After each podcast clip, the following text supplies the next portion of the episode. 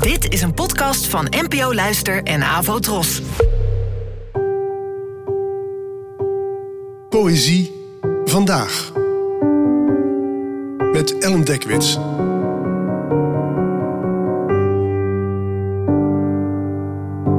Hallo, fijn dat je luistert. Het gedicht van vandaag heet Sirene en werd geschreven door de Nederlandse dichter Lilian Zielstra, geboren in 1991. Sirene. Sinds ik heb gebaard, trekt de zee aan me. Ik leef in een droog gelegd moeras. Het water in deze streek ligt in rechte banen om me heen. De grond is opgestookt, het vuur heeft gewonnen. Mijn buik, nu leeg, wil gewichtsloos zijn. Ik dompel hem onder in chloorwater. Ik zwem tussen de kinderen uit het dorp. Ze zijn de kinderen van mijn klasgenoten. Ik zie variaties op oude gezichten terug in het golfslagbad.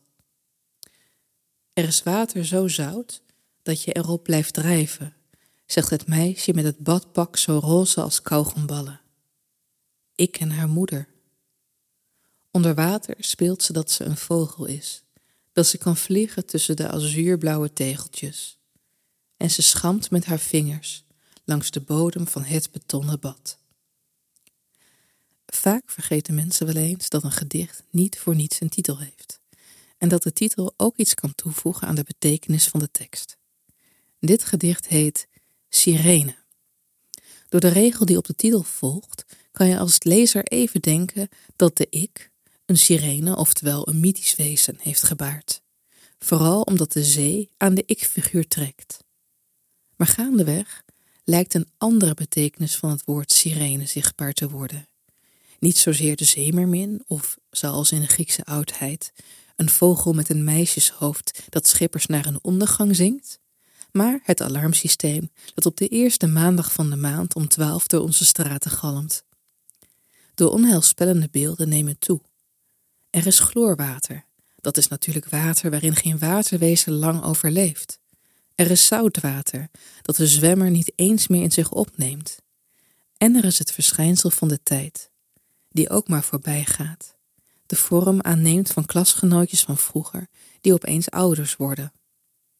Een meisje speelt ondertussen onder water dat ze een vogel is, vrij vliegend tussen de tegels.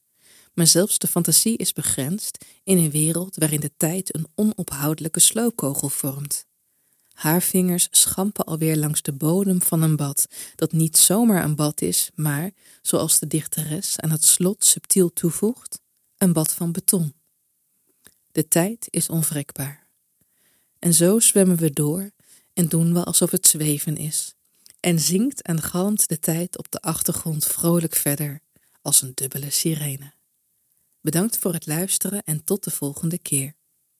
Afro Tros, de omroep voor ons.